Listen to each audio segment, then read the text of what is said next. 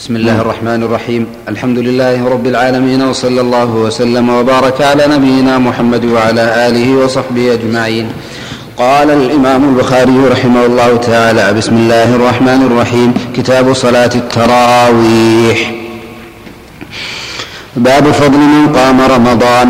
حدثنا يحيى بن بكير حدثنا الليث عن عقيل عن ابن شهاب قال أخبرني أبو سلمة أن أبا هريرة رضي الله عنه قال سمعت رسول الله صلى الله عليه وسلم يقول لرمضان من قامه إيمانا واحتسابا غفر له ما تقدم من ذنبه. حدثنا عبد الله بن يوسف أخبرنا مالك عن ابن شهاب عن حميد بن عبد الرحمن عن أبي هريرة رضي الله عنه أن رسول الله أن رسول الله صلى الله عليه وسلم قال من قام رمضان إيمانا واحتسابا غفر له ما تقدم من ذنبه. قال ابن شهاب فتوفي رسول الله صلى الله عليه وسلم والناس على ذلك. ثم كان الأمر على ذلك في خلافة أبي بكر وصدرا من خلافة عمر رضي الله عنهما. وعن ابن شهاب عن عروة بن الزبير عن عبد الرحمن بن عبد القاري أنه قال خرجت مع عمر بن الخطاب رضي الله عنه ليلة في رمضان إلى المسجد. فإذا الناس أوزاع متفرقون يصلي الرجل لنفسه ويصلي الرجل فيصلي بصلاته الرهط.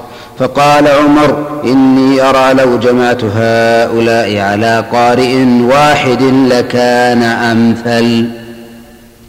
ثم عزم فجمعهم على أبي بن كعب ثم خرجت معه ليلة أخرى والناس يصلون بصلاة قارئهم. قال عمر نعم البدعة هذه. والتي ينامون عنها أفضل والتي ينامون عنها أفضل من التي يقومون. يريد آخر الليل وكان الناس يقومون أوله.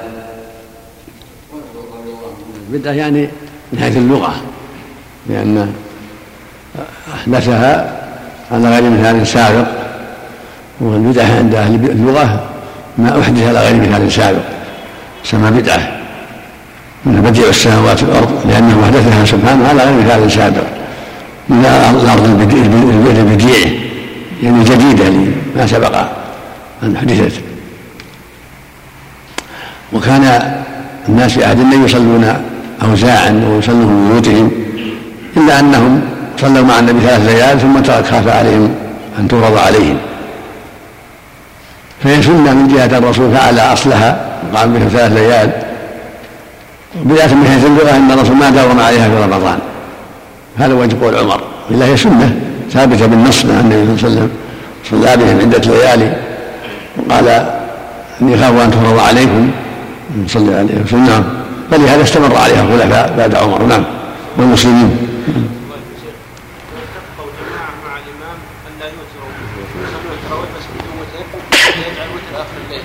رحمك الله يسير على ما فعله الصحابة أفضل يسير معه. مثل ما مثل ما فعلوا مع النبي صلى الله عليه وسلم في الليالي الثلاث. نعم. نعم. نعم. والتي ينامون عنها أفضل. يعني أهل الليل صلاة أهل الليل أفضل لكن جمع الناس في أول الليل أيسر عليهم. أسهل عليهم نعم. لكن ما يفهم منها عدم التجميع. ما معناه أن صلاة أهل الليل لو فعلوها أفضل؟ نعم. عفوا. حدثنا إسماعيل قال حدثني مالك عن ابن شهاب عن عروة بن الزبير عن عائشة رضي الله عنها زوج النبي صلى الله عليه وسلم أن رسول الله صلى الله عليه وسلم صلى وذلك في رمضان. وحدثني يحيى بن بكير حدثنا الليث عن عقيل عن ابن شهاب أخبرني عروة أن عائشة رضي الله عنها اخبرته أن رسول الله صلى الله عليه وسلم خرج ليلة من جوف الليل فصلى في المسجد وصلى رجال بصلاته فأصبح الناس فتحدثوا فاجتمع أكثر منهم فصلى فصلوا معه فصلى فصلوا معه فأصبح الناس فتحدثوا فكثر أهل المسجد من الليلة فكثر أهل المسجد من الليلة الثالثة فخرج رسول الله صلى الله عليه وسلم فصلي بصلاته فلما كانت الليلة الرابعة عجز المسجد عن أهله حتى خرج لصلاة الصبح فلما قضى الفجر أقبل على الناس فتشهد ثم قال أما بعد فإنه لم يخف علي مكانكم فإنه لم يخف علي مكانكم ولكني خشيت أن تفرض عليكم فتعجزوا عنها فتوفي رسول الله صلى الله عليه وسلم والأمر على ذلك. هذا أصل السنية الليالي التي قامها ثم ترك خوف أن ترضى عليهم عليه الصلاة والسلام. نعم. أحسن الله إليك. لو وجد قوم قالوا نريد أن نجتمع ونصلي آخر الليل بدلا من أن نصلي مع الناس في أوله الصلاة مع الناس في المساجد أفضل. لأنها صارت شعار والنبي صلى الله وسلم كذلك بعد صلاة العشاء. نعم. لأنها أرفق بالناس. لو اتفق أنهم صلوا بصلاة النبي صلى الله عليه وسلم وقول عمر من حيث أنه داوم عليها. والرسول قطعها في ثلاث قطعها الله إليك لو اتفق الجماعة مع الإمام أن يجعلوا صلاتهم آخر الليل ويتركون أولا. لو كان في قرية خاصة لا احتمال لو كان في قرية خاصة لا مانع لأن آخر الليل أفضل لكن قد يكون إذا كان فيه مساجد قد يكون فيه مشقة على الناس. في هذا يقتضي هذا وهذا يقتضي هذا فيشق على الناس. نعم.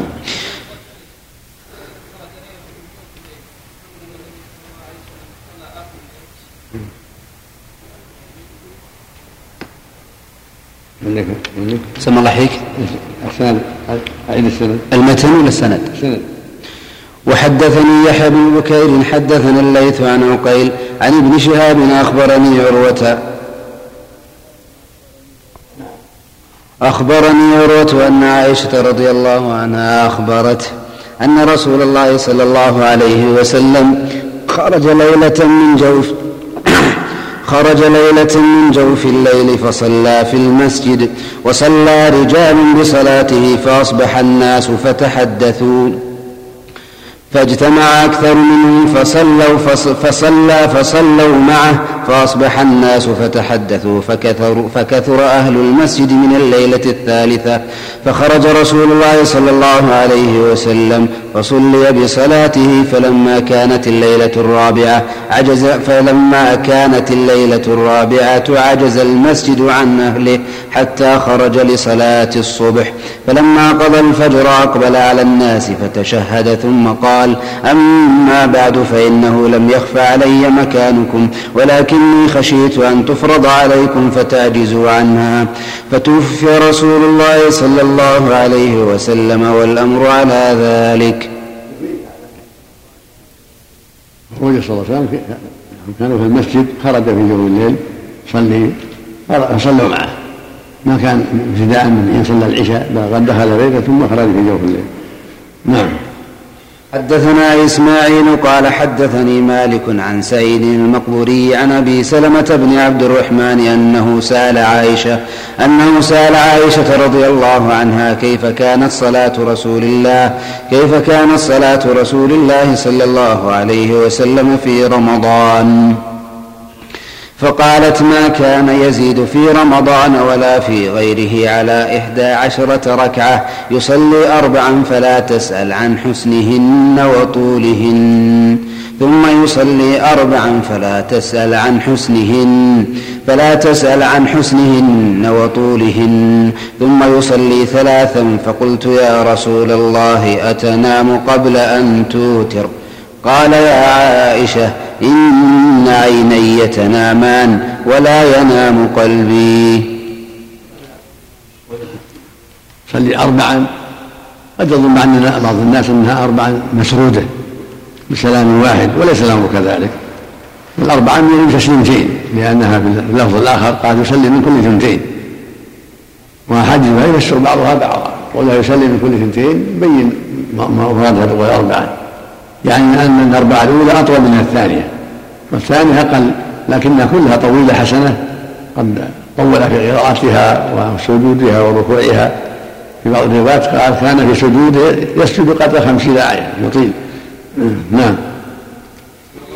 كان مجموعة في سفر فأرادوا أن يصلوا التراويح جماعة. لا بأس ما هي مانع. صلى سفرا وحضر. نعم. الله عليك يا شيخ. نعم. عندما سالته عائشة رضي الله عنها توتر قبل أن تنام قبل أن توتر وهو قد اوتر أليس كذلك؟ هذه من بعض الليالي هذه بعض الليالي. أو بعض الليالي يوتر بعض الليالي آخر الوتر نعم نعم. سألته عن الليالي لما أخر فيها الوتر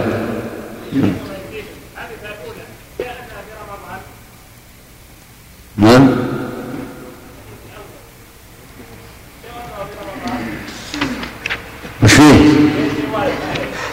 لا مقصود ان صلى الله عليه وسلم قد يعني ينام قبل أن يوتر قال أن عيني تنامان ولا ينام قلبي يعني يستيقظ حتى يوتر عليه الصلاة والسلام. هذا شيء آخر مضى. هذا خرج اليهم وصلى بهم في جوف الليل وهم موجودين في المسجد. فلما تعالوا زادوا في الليلة الثانية زادوا في الليلة الثالثة يرجون حضوره عليه الصلاة والسلام.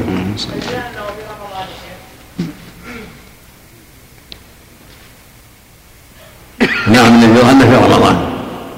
روايات أخرى صحيح في رمضان. نعم. نعم. نعم. صلاة الضحى جماعة. نعم. إذا فعلها بعض الأحيان لا بأس. صلى جماعة النبي صلى الله عليه وسلم في بيت أنس. صلىها في بيت أنس. لما زار أنس الضحى صلى عندهم الضحى جماعة. صلى خلف أنس واليتيم والعجل من ورائهم. وزار عتبان بن مالك لما طلب منه عتبان يسوره حتى يصلي في بيته إذا كانت وصلى زاره وصلىها جماعة ضحى نعم. نعم. نعم. لا مش مانع ما في مانع فرصة تفوت. كما يصلي صلاة الكسوف أو كسوة الشمس أو يستسقي في البر. نعم. نعم. ما يجري في الحرم المكي والمدني أن يكون وتر. نعم. أقول ما يجري في الحرم المكي والمدني وترين وتر في أول الليل وتر في آخره كيف؟ يعني لماذا لا يصحح الله عنك وضع الحرم المكي يكون وتر واحد؟ نعم. لماذا لا يكون الوتر واحد في الحرم المكي؟ والله الله يوفقهم. قد يكون. فيه. قد يكون. يمكن يمكن أن العام الماضي وتر واحد. على نعم هو أصلح. الله يحييك. نعم نعم الله يرعاك. نعم. قنوت مع الله عنك في الشفع ما حصل العام الماضي إنهم قنتوا في الشفع نعم. لا هم مسؤولين لهم في كون يخلي الوتر يصلون ما تيسر في أول الليل واللي يأتي يصلي مع الناس آخر الليل يوتر. واللي يروح البيت ويوتر بيته الحمد لله. لا يحتاج توترين في أول الليل وفي اخره لئلا يظن الناس إن هذا شيء مشروع في المساجد الأخرى. نعم. لا وتران في ليلة صلى الله عليه وسلم نعم. كلهم ميسر.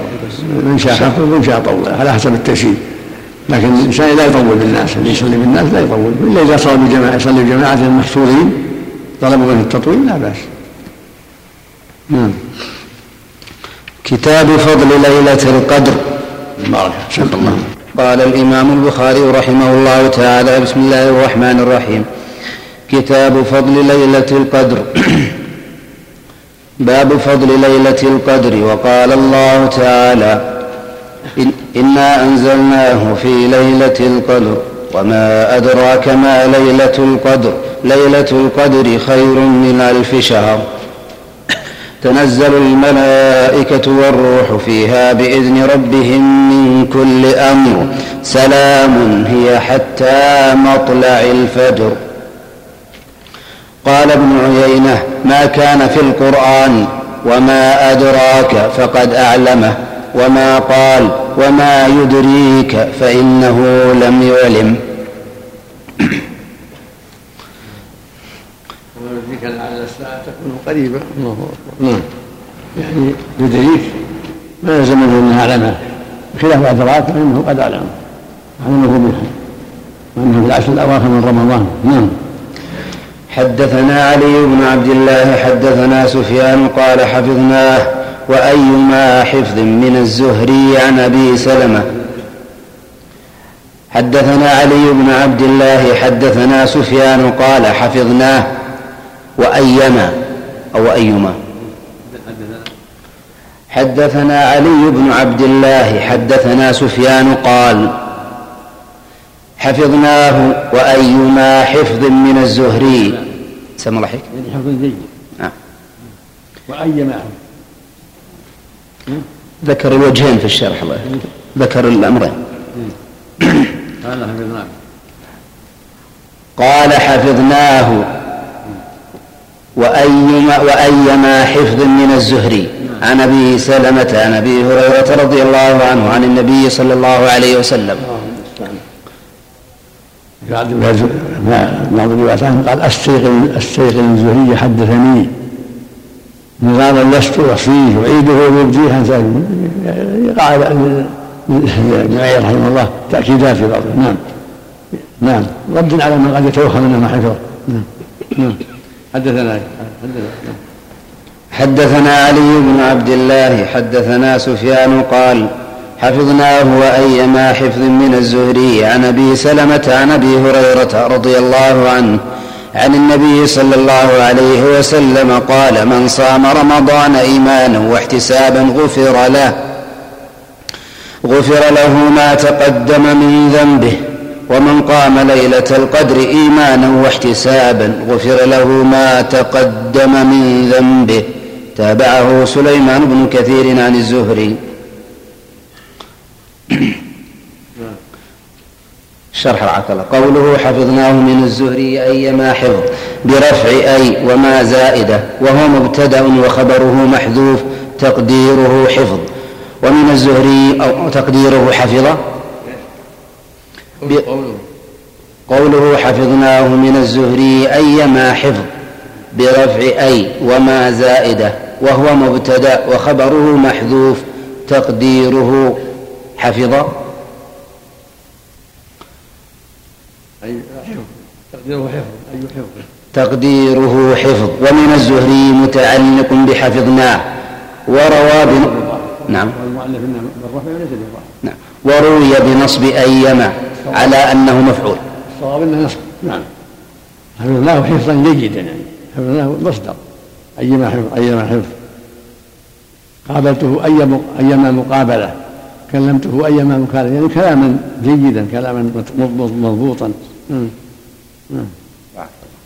رد على من قد يتوهم إنه ما ضبط الحديث. باب التماس ليلة القدر في السبع الأواخر. حدثنا عبد الله بن يوسف أخبرنا مالك عن نافع عن ابن عمر رضي الله عنهما أن رجال أن رجالا من أصحاب النبي صلى الله عليه وسلم أروا ليلة القدر في المنام في السبع الأواخر.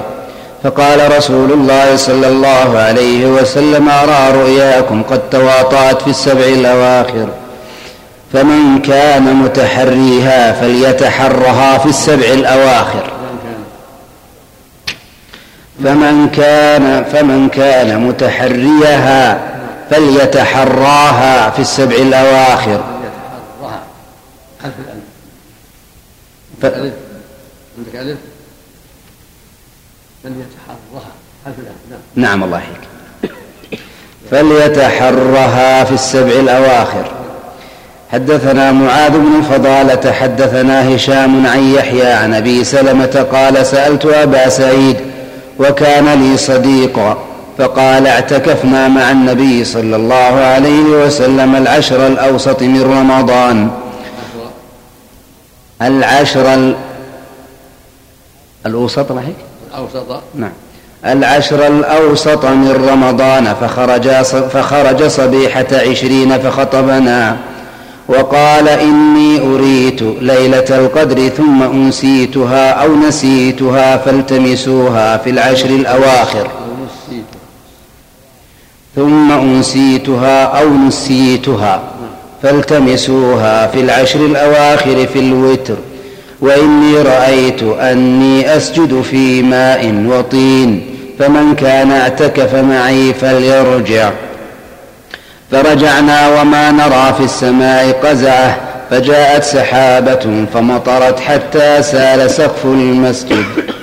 وكان من جريد النخل وأقيمت الصلاة فرأيت رسول الله صلى الله فرأيت رسول الله صلى الله عليه وسلم يسجد في الماء والطين حتى رأيت أثر الطين في جبهته. يعني موافقة ليلة القدر هذا في الليل. موافقة ليلة القدر ليلة 22 اللهم صل على وسلم. نعم. لأن الصواب فيها أنها مهي في ليلة معين دائما دائما لا تتنقل. ليس في 27 دائما ولا في 21 دائما ولا في 23 دائما بل قد تكون في سنوات في 21 قد تكون في سنوات 23 قد تكون سنوات متتابعة في 27 قد تكون في 29 يعني متنقلة في العشر لا تخرج عن العشر. لا. تلمسوها في العشر الأواخر. لكن لكن الأوتار آكل أحرى. ولهذا في اللفظ الآخر في سابعات التبقى تاسعات التبقى يأم هذا وهذا. نعم. أحسن الله إليك إذا اختلفت مطالع البلدان. نعم. نعم. على على اجتهاد إنها 27 بالعلامة. ينظر على عده سنوات؟ وظنها لا تنتقل. نعم باجتهاده نعم. الله إذا كانت البلدان تختلف فتكون على وتر بلد واحد. على كل حال في لياليهم لأن وإن اختلفت العشر الأواخر متقاربة قد يكون تقدم في بلد ليلة ليلتين وفي بعد تأخر ليلة ليلتين أو ثلاثة. في عشرهم أو في عشرهم الموافقة العشر الأخرى. إذا كان في ليلة 27 أو في 25 قد تكون في ليلة 27 عندنا وعندهم في 25 أو في 29 لا تخرج من العشر الأواخر. في جميع في البلدان لا تخرج من العشر الأواخر باب تحري ليلة القدر في الوتر من العشر الأواخر فيه عبادة. حدثنا قتيبة بن سعيد حدثنا إسماعيل بن جعفر حدثنا أبو سهيل عن أبيه عن عائشة رضي الله عنها أن رسول الله صلى الله عليه وسلم حدثنا. حدثنا قتيبة بن سعيد حدثنا إسماعيل بن جعفر حدثنا أبو سهيل. سهيل؟ سهيل. سهيل؟ سهيل. سين وهاء ويا لام نعم الله يحييك. سهيل؟ نعم الله يحييك. طيب. زين. نعم. عن أبيه عن عائشة رضي الله عنها أن رسول الله صلى الله عليه وسلم قال تحروا ليلة القدر في الوتر من العشر الأواخر من رمضان.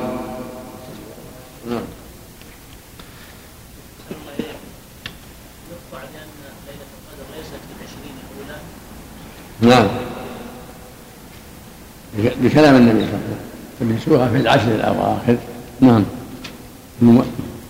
ثم اوتيت واخبرت انها في العشر الأواخر. نعم. نعم. بارك الله الشرح في غير الصحيح نعم. ثم أوتيت فأخبرت. هذه في غير الصحيح. نعم. ثم أوتيت فأخبرت. روايه هذه في غير الصحيح. في غير الصحيحين. أو في الصحيحين. أو في الصحيح الشرح الله يحييك قوله أبو سهيل عن أبيه ونافع بن مالك بن أبي عامر الأصبحي. عم هذا عم مالك. لكن أشار ليس له إلا هذا الحديث. ثقة معروف حدثنا إبراهيم بن حمزة قال حدثني ابن أبي حازم والدراوردي عن يزيد عن محمد بن إبراهيم عن أبي سلمة عن أبي سعيد الخدري رضي الله عنه كان رسول الله صلى الله عليه وسلم يجاور في رمضان العشر التي العشر التي في وسط الشهر. فإذا كان حين يمسي من عشرين ليلة تمضي ويستقبل إحدى وعشرين رجع إلى مسكنه ورجع من كان يجاور معه وأنه أقام في شهر جاور فيه الليلة التي كان يرجع فيها. فخطب الناس فأمرهم ما شاء الله ثم قال كنت أجاور هذه العشر ثم قد بدا لي أن أجاور هذه العشر الأواخر. فمن كان اعتكف معي فليثبت في معتكفه وقد أريت هذه الليلة ثم أنسيتها فابتغوها في العشر الأواخر وابتغوها في كل وتر وقد رأيتني أسجد في ماء وطين. فاستهلت السماء في تلك الليلة فأمطرت فوقف المسجد في مصلى النبي في مصلى النبي صلى الله عليه وسلم ليلة إحدى وعشرين فبصرت عيني رسول الله صلى الله عليه فبصرت عيني رسول الله صلى الله عليه وسلم ونظرت إليه انصرف من الصبح ووجهه ممتلئ طينا وماء. الاستفاد من هذا أن الإنسان إذا أصاب الشيء في الوجه يعني مثل هذا يصبر حتى يفرغ من صلاته ثم يزيله. لأن هذا فيه دلالة أنه صلى الله عليه وسلم صرف إليه قبل أن يزيله. نعم. من باب العناية بالسكون فيها والخشوع. نعم.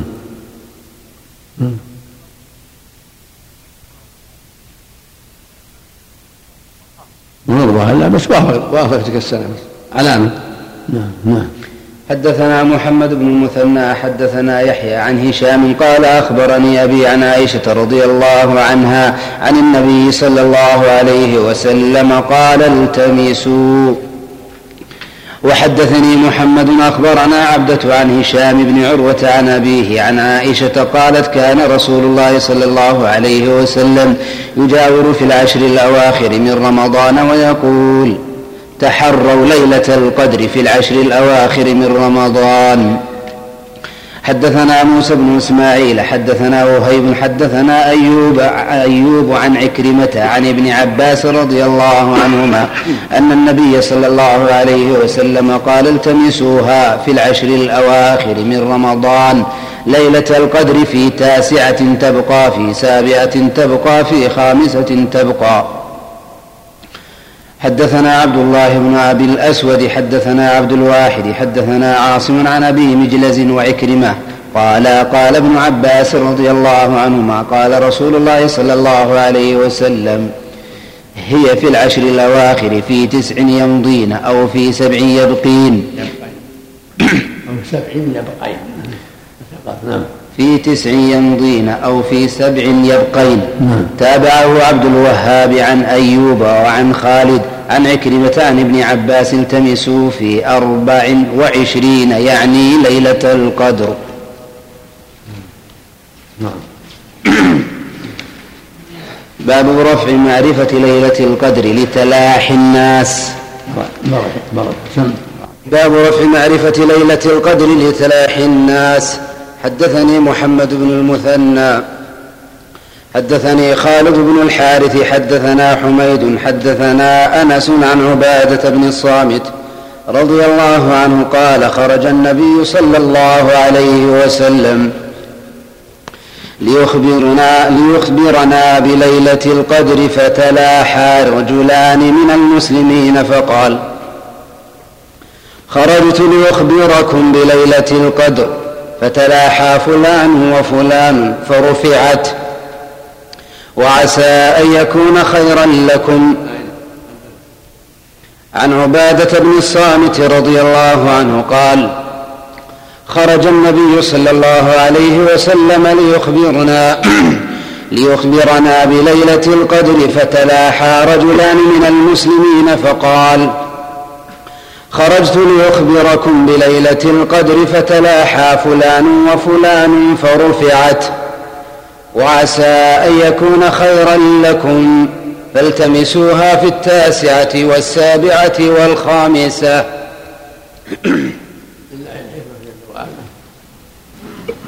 والحكمة في ذلك والله أعلم. أن يجتهد الناس في في جميع العشر في العبادة والدعاء.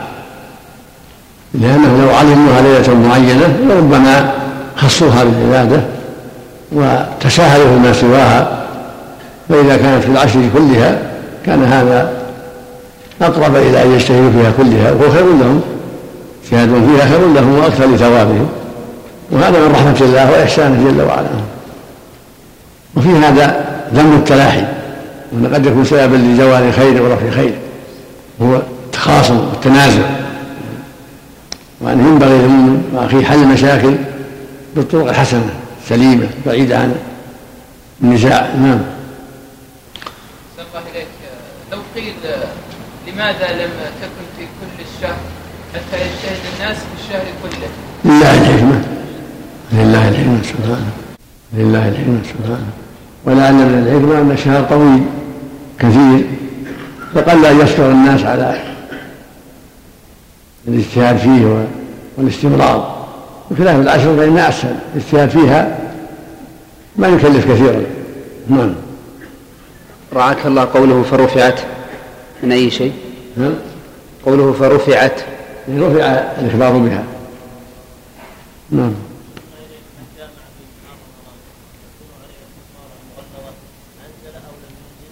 نعم. سواء أنزل أو لم ينزل. إذا جاء عليه كفارة مطلقة أنزل أو لم ينزل. نعم. لأن الرسول مستفصل ما قال أنزلت وما أنزلت. قال وقعت امرأتي في رمضان الحكم ولم يستفسره نعم. نعم. لا ما فيها كفارة. ولا يخطر بها الصائم. لو قبل أو لمس. إنما الفطر والجيء كفارة بالجماع خاصة. لكن لو أنزل ولم يجامع يقضي فقط. عند جمهور أهل العلم يقضي ولا ولا كفارة عليه. لو قبلها أو ضاجعها وأنزل يقضي فقط. ولا كفارة. نعم. المدي لا ما يعني. المدي صومه صحيح. الصحيح إنه لا لا لا يفطر الصائم المدي نعم المدي بالذال لانها يبتلى في الناس كثيرا. والرطوبه تأتي الإنسان عند المباشرة مع اللزج عند يكون على طرف الذكر. ثم المذي إذا أصاب الإنسان يغسل ذكره وأنثيه يغسل ذكره وأنثيه ويتوضأ وضوءه للصلاه ولا يفطره نعم النهي عن مس الذكر باليمين هل هو عام أو مقيد في الحديث وهو يبول. صلى الله عليه وسلم وهو يبول. لكن إذا دعت الحاجة إلى في غير البول ما في شيء. نعم. الذي هو مظنة الحاجة فيكون غير من باب أولى. أليس وجيها هذا؟ وهو ظاهر وهو ظاهر. لأن لأن البول قد يصيبه النجاسة. اللمس قد يصيبه النجاسة. نعم. نعم.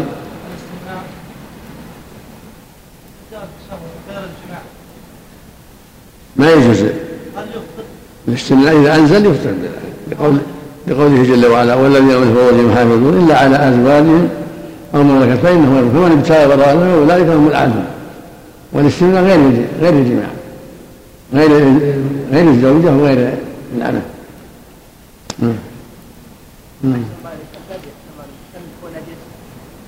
نجس لكن لا, يفطر المني نجس لكن لا يفطر الصائم. عليه الوضوء غسل الذكر والأنثيين. أما المني طاهر هو أصل الإنسان. هو طاهر لكن يجب الغسل إذا خرج من شهوة.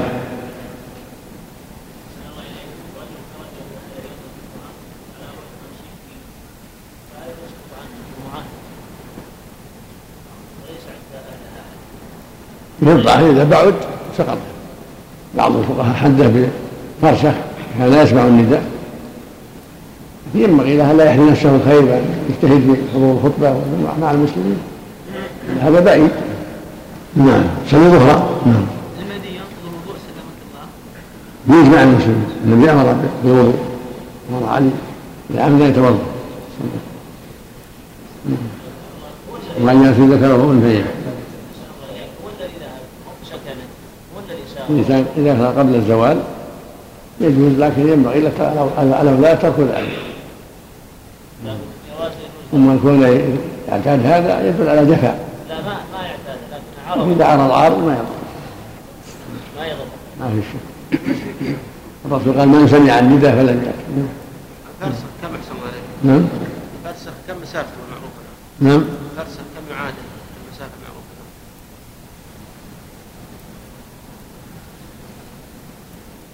الفرسخ شاة قريب 18 خطوة 1800 خطوة تقريبا. نعم. نعم. يجري النظر نعم ينضح السروال ينضح ما أصابه. وإن غسله فلا بأس لكن إذا أنضح نضح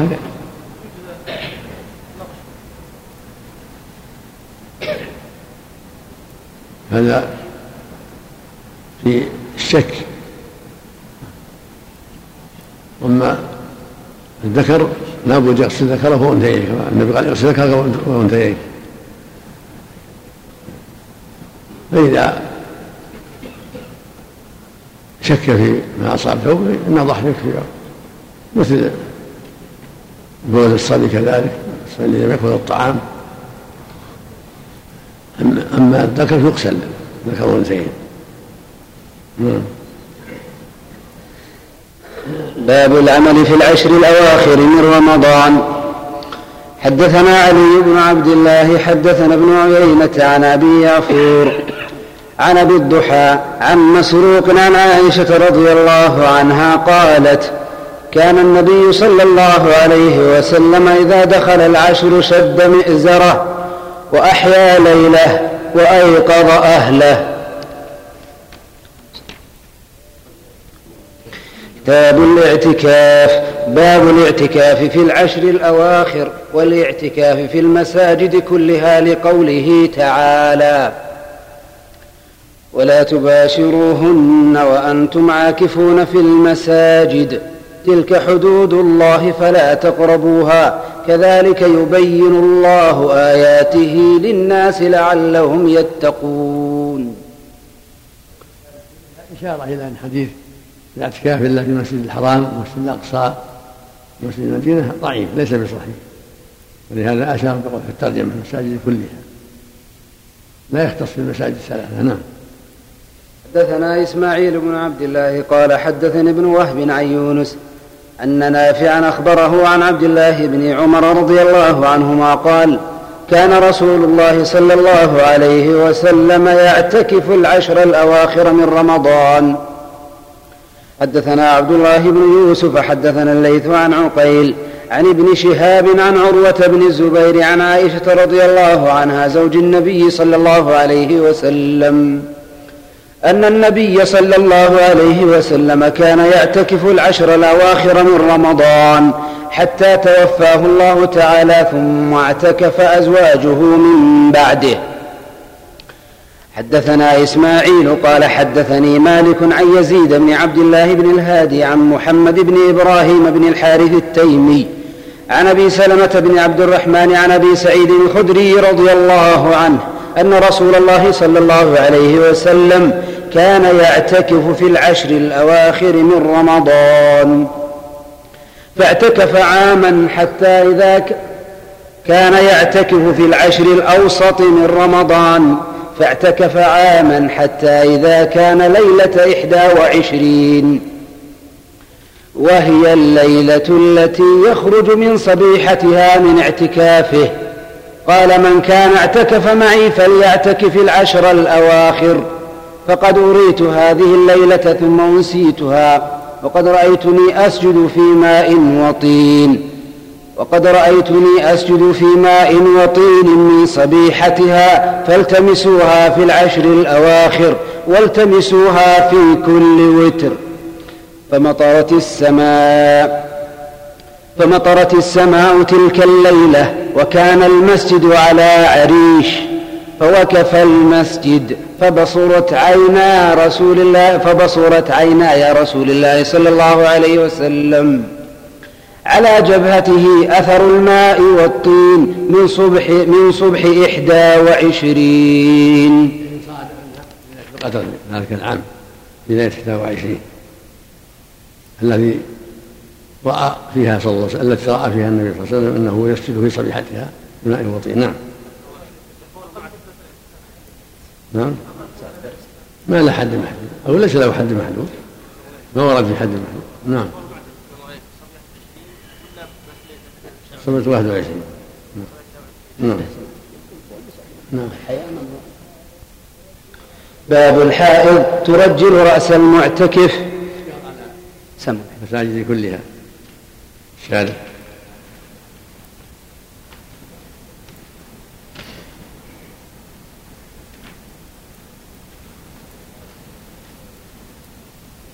تحت قوله تعالى الله يحييك نعم الشارح نعم يقول تحت قوله تعالى ولا تباشرون وأنتم عاكفون في المساجد. وجه الدلالة من الآية أنه لو صح في غير المسجد لم يختص تحريم المباشرة به لأن الجماع مناف للاعتكاف بالإجماع. فعلم من ذكر المساجد أن المراد أن الاعتكاف لا يكون إلا فيها. ونقل ابن المنذر الإجماع على أن المراد بالمباشرة في الآية الجماع وروى الطبري وغيره من طريق قتادة في سبب نزول الآية. كان نتكلم عن المباشرة الله يحييك. نعم. كلام بسيط الله يحييك يقول أي مشروطية المسجد له من غير تخصيص بمسجد دون مسجد. هذا المراد؟ تحت قوله قوله باب الاعتكاف في العشر الأواخر والإعتكاف في المساجد كلها. أي مشروطية المسجد له من غير تخصيص بمسجد دون مسجد. بس. فقط. أبدا الله يحييك. ثم نتكلم على التبادل أخي. ذكر أحسن الله إليك. والإعتكاف بالجر عطفا على لفظ الاعتكاف الأول وقيده بالمساجد لأنه لا يصح في غير المساجد وجمع وجمع المساجد وأكدها بلفظ كلها إشارة إلى أن الاعتكاف لا يختص بمسجد دون مسجد وفيه خلاف. فقال حذيفة رضي الله عنه لا اعتكاف إلا في المساجد الثلاثة مسجد مكة والمدينة والأقصى. وقال سعيد بن المسيب لا اعتكاف إلا في مسجد نبي. وفي الصوم لابن أبي عاصم بإسناده إلى حذيفة رضي الله عنه لا اعتكاف إلا في مسجد رسول الله صلى الله عليه وسلم. وروى الحارث عن علي رضي الله عنه لا اعتكاف إلا في المسجد الحرام ومسجد المدينة.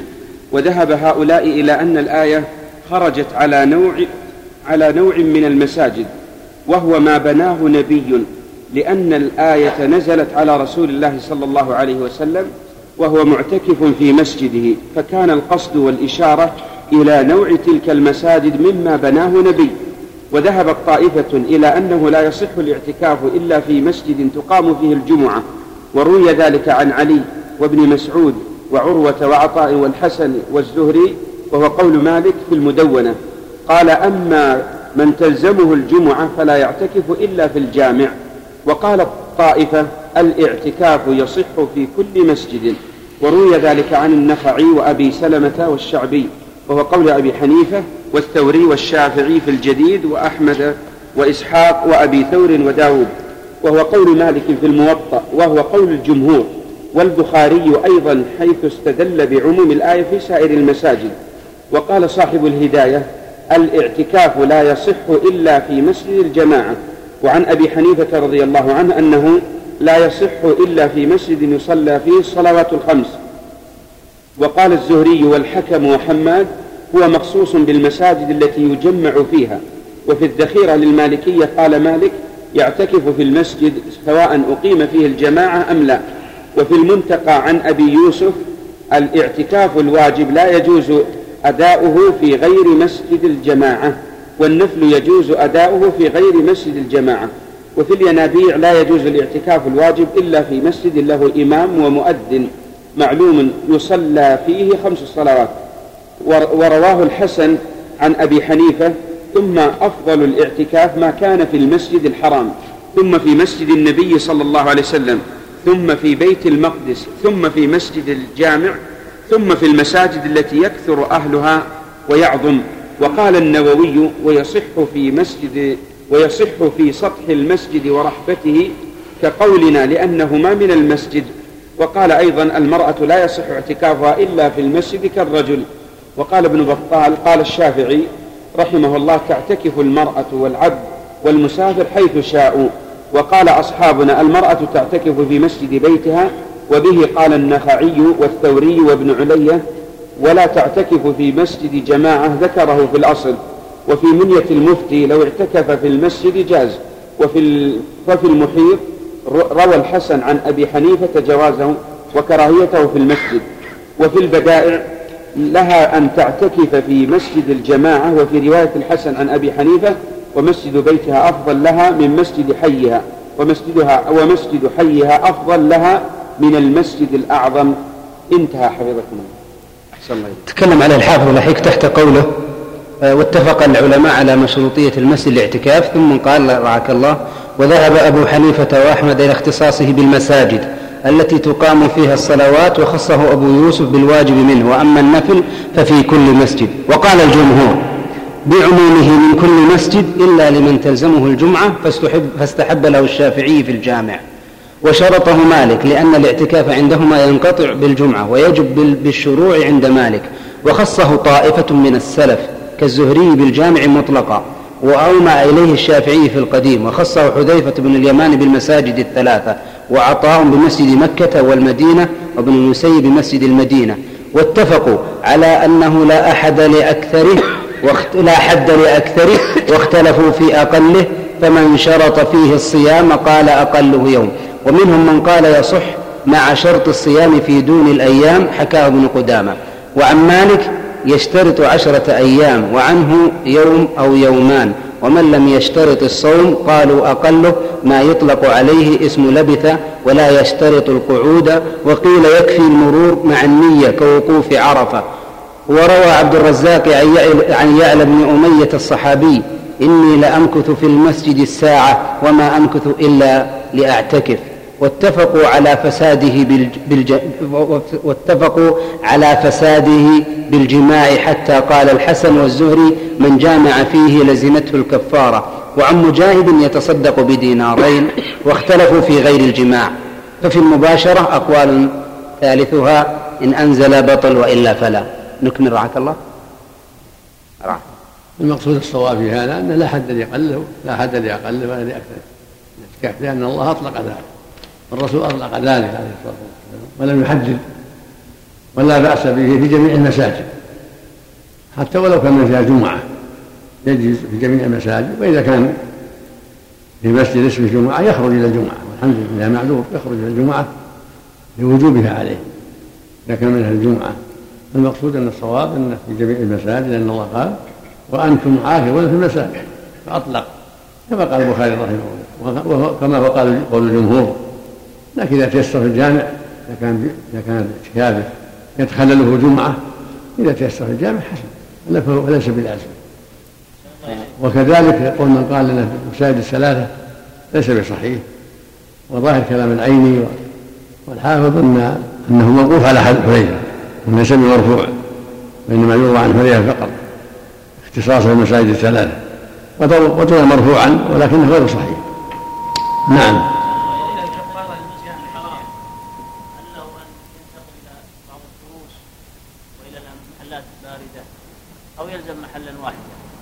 لا ما في بأس المسجد كله محل ينتقل المسجد من محل إلى محل أو محل الدرس أو حول المكيفات لا بأس كل مسجد محل أشياء كله.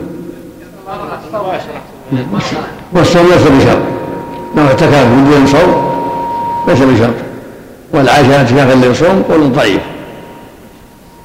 ولهذا قال ابن عباس ليس على صوم. إذا جعلها على نفسه. نعم. من السنة. هذا في من شاء كونه يبقى المعتكف ولا يخرج الا لحاجه أما قوله ولا اعتكاف إلا بصوم ولا اعتكاف هذا من قوله هذا موقوف عليها نعم. يكون في المساجد كالرجل هذا هو الصواب.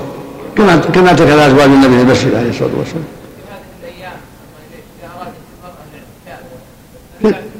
في المسجد يكون في خيمة أو في حجرة. نعم. لا تعتكف وهو لازم الشاف عبادة نافلة.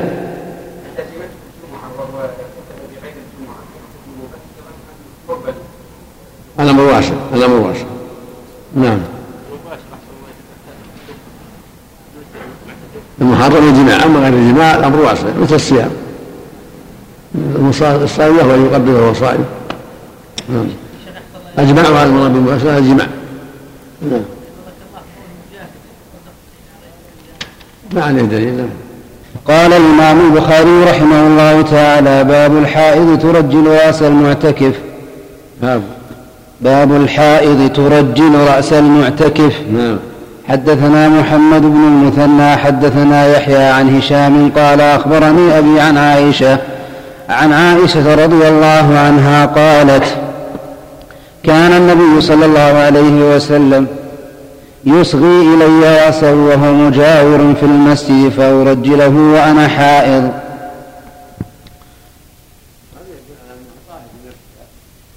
أن بدنها طاهر يدها طاهرة وعرقها طاهر إنما الحيض دم خاص هو النجس فقط وأما بدنها وعرقها ورأسها ويدها كلها طاهر كالجنوب الجنوب طاهر وإنما عليه غسل ولهذا كانت ترجله عليه الصلاة عليه الصلاة وهي حائض. نعم. باب لا يدخل البيت إلا لحاجة. حدثنا قتيبة حدثنا ليث عن ابن شهاب عن عروة وعن عروة وعمرة بنت عبد الرحمن أن عائشة أن عائشة رضي الله عنها زوج النبي صلى الله عليه وسلم قالت وإن كان رسول الله صلى الله عليه وسلم ليدخل رأسه وهو في المسجد.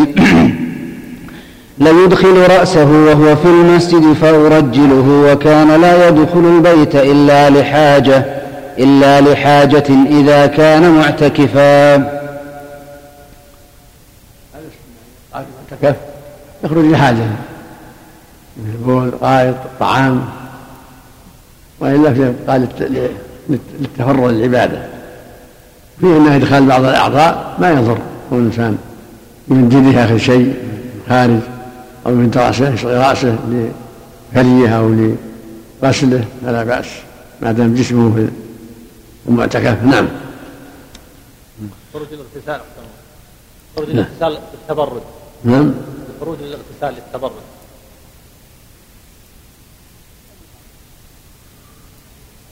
قد يقع أن حاجة لأن قد يشتد الحر قد يكون حاجة الأمر فيه واسع إن شاء الله. نعم. نعم. باب غسل المعتكف حدثنا محمد بن يوسف حدثنا سفيان عن منصور عن إبراهيم عن الأسود عن عائشة عن عائشة رضي الله عنها قالت كان النبي صلى الله عليه وسلم يباشرني وأنا حائض. وكان يخرج رأسه من المسجد وهو معتكف فاغسله وأنا حائض. يعني تمسه ويباشرها بالتقبيل وضمها إليه. كل هذا لا بأس به. المحرم الوطي المحرم الجماع للحائض والنبساء أما استمتاعه بها بغير الجماع من تقبيل أو مس أو ضم إليها ضمه ضمها إليها وما أشبه لا بأس به. نعم. هذا في حق الحائض أما المعتكف لا. بس مس هذا لا بأس. ولا يباشرها بقبله ونحوها لكن الحائض من حيث الجمله لا تحرم عليه يحرم عليه إلا جماعة. لكن إذا كان معتكفا يدع المباشرة ولا تباشرون وأنتم أهل المساجد. لأنها قد تكون وسيلة إلى الجماع فالاحوط له ترك المباشرة. لكن مثل مد راسه إليه إليها تغسله لا لا حرج. فيه لكن في خلاف الوجوب محل نظر. أو الوجوب محل نظر. ولهذا يجوز للصائم تقبيل والمباشرة. والصائم قد يشبه الاعتكاف من بعض الوجوه. نعم. نعم. المباشرة الجماع يعني. نعم. المباشرة الجماع مثل الصائم. لا يباشرها وهو صائم لكن لا مانع من تقبيلها. فإذا تركها التقبيل ونحو خوفا من لا حرج وإلا فأشبه شيء بالانتكاس الصوم. أشبه شيء بالاعتكاف الصوم. نعم. وتقول عائشة كان يقبل وهو صائم ويباشرني وهو صائم وهو يعتكف العشر الآخرة وهو صائم الاعتكاف صائم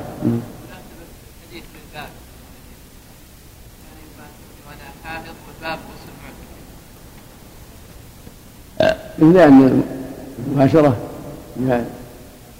مس راس مس رأس فيه مباشرة. قد يمس يدها وقد يمس رأسها. نعم. نعم. باب الاعتكاف ليلا حدثنا مسدد حدثني يحيى بن سعيد عن عبيد الله اخبرني نافع عن ابن عمر. عن ابن عمر رضي الله عنهما أن عمر سأل النبي صلى الله عليه وسلم قال كنت نظرت في الجاهلية. نذرت في الجاهلية أن أعتكف ليلة في المسجد الحرام. قال اوف بنذرك في هذا شرعيه باب النذر. من أسلم وكان نذره الجاهلية إذا كانت عبادة صلاة أو صوم أو حج.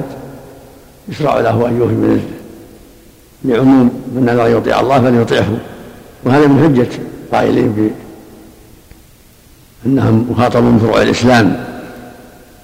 فإذا أسلموا أدوا ما هم مخاطبون به.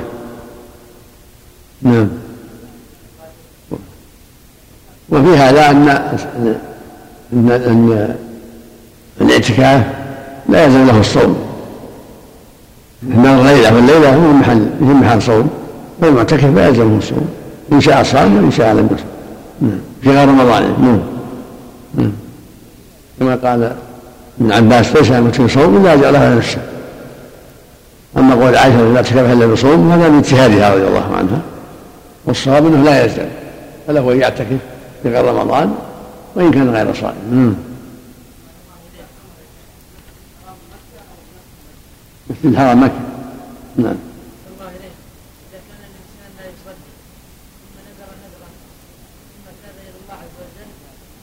مثل هذا يوفي بالنذر إذا كان عبادة نظر أن يصلي أو يتصدق أو بنذرك أسلمت على ما أسلفت من خير. نعم. الاصل الأوامر الوجوب هذا هو الأصل. الأصل الأوامر هو الوجوب يقول من نذر يطيع الله فليطيعه ومن نذر يعصي الله فلا يعصي نعم. نعم.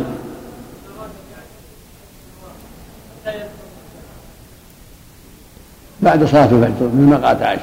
كان النبي يدخل معتكفا إذا صلى الفجر. وإن دخل في الليل فلا بأس. لكن إذا عائشة سئلت عن هذا قالت كان يدخل معتكفا إذا صلى الفجر. نعم. ولا لا بأس هو بلازم نعم. نعم. نعم. حتى يتفرى العبادة. نعم. الخروج أحسن الله إليك من المعتكف ليلة العيد. هو مخير إن شاء خرج إلى العيد وإن شاء خرج الصبح. يعني بغروب الشمس تمت العشر.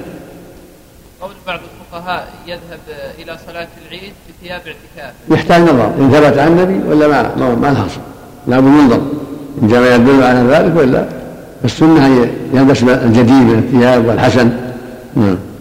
على على الأصل. نعم.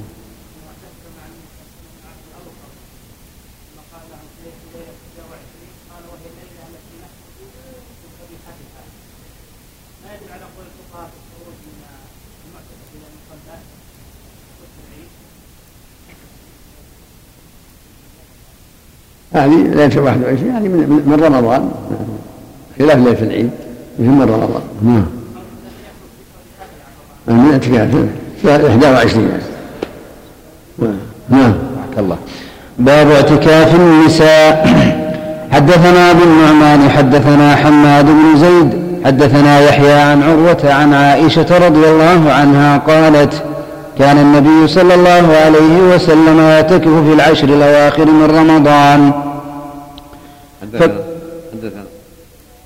حدثنا أبو النعمان حدثنا حماد بن زيد حدثنا يحيى عن عروة عن عائشة رضي الله عنها قالت عروة ولا عمرة؟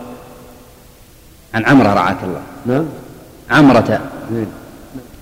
قالت كان النبي صلى الله عليه وسلم يعتكف في العشر الأواخر من رمضان فكنت أضرب له خباء فيصلي الصبح ثم يدخله فاستأذنت فاستأذنت حفصة عائشة أن تضرب خباء فأذنت لها فضربت خباء فضربت خباء فلما رأته زينب بنت جحش ضربت خباء آخر فلما أصبح النبي صلى الله عليه وسلم رأى الأخبية فقال ما هذا؟